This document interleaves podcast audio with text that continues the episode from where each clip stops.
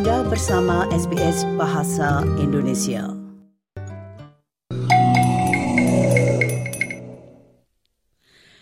Nah, sekali lagi jika Anda baru saja bergabung, Anda bersama Radio SBS program Bahasa Indonesia.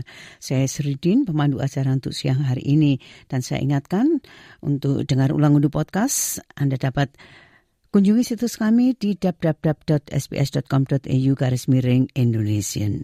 Nah rupanya tamu kami yang berikutnya yaitu Bapak Komran Mangku Werdoyo dari Sydney telah berada di jalur, jadi saya akan segera bergabung dengan beliau. Selamat siang Bapak Komran Mangku Werdoyo. Selamat siang Ibu Sri. Dan sebelumnya Bapak saya ucapkan selamat atas penerimaan penghargaan Unity in Diversity itu Bapak, yaitu Bapak sebagai pahlawan lokal itu. Hmm, yeah. Nah, ba ya Bapak, bagaimana rasanya jadi pahlawan lokal itu Bapak? Ya, sebetulnya saya juga terharu kok tahu-tahu bisa dipilih ya, sebab ya saya hanya mengerjakan apa yang saya biasanya kerjakan ya yaitu ya menolong sesama begitu karena itu perintah Tuhan. Jadi tepatnya Bapak dianugerahi atau diberikan penghargaan itu karena jasa-jasa Bapak atau usaha Bapak yang selalu memberikan pertolongan begitu maksudnya. Kepada siapa itu Bapak terutamanya? Ya, ya betul. Begini, saya dulu kan uh, pernah jadi polisi selama 17 tahun Uh, juga latar belakang saya juga sebelum itu saya bekerja sebagai custom officer yang sekarang border force. Lalu saya juga mendapat pengalaman sebagai uh, sopir bus, sopir taksi, begitu. Juga saya juga qualified justice of the peace. Jadi dengan kualifikasi itu banyak orang-orang yang minta bantuan ke saya, gitu. Jadi saya ya uh, memberitahu apa yang saya tahu juga menjawab juga me, apa meluangkan waktu untuk menolong mereka juga. Banyak sekali teman-teman yang juga minta tolong kepada saya. Juga sewaktu saya kerja jadi polisi pun juga saya banyak membantu. Kan sebagai general duty police itu saya juga kerjanya menolong orang-orang yang eh, memerlukan pertolongan polisi gitu. Ya. Bapak biasanya ini secara umum Bapaknya selama ini ya. berdasarkan pengalaman Bapak itu bantuan apa yang sangat mereka butuhkan itu?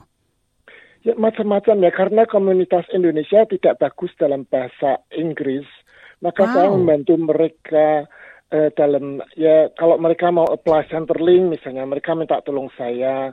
Kalau mereka mau uh, apply birth certificate atau passport atau citizenship certificate gitu ya. Sama juga housing commission.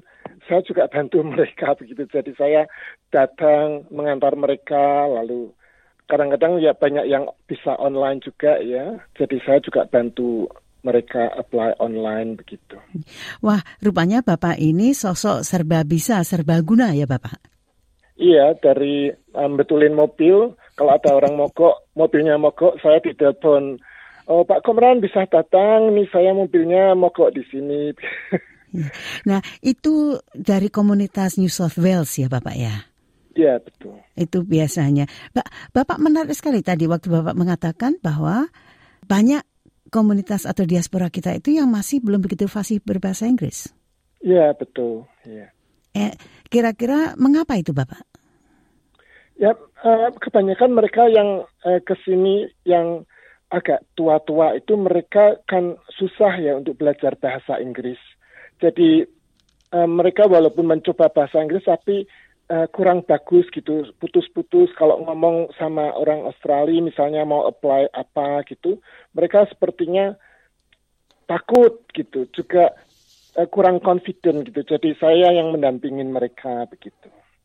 Aneh sekali kalau orang Indonesia kurang confident ya Bapak ya. Biasanya orang Indonesia itu kan di tempat kita itu kan ada kan namanya oh gertak sambel begitu kan. Iya. yeah.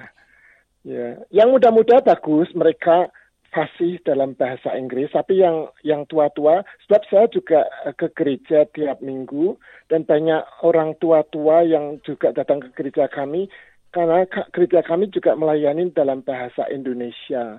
Jadi saya yang kadang-kadang uh, menerjemahkan ke bahasa Inggris sebab gereja kami uh, khotbahnya dalam ya? bahasa Indonesia yeah. gitu tak gitu. Yeah.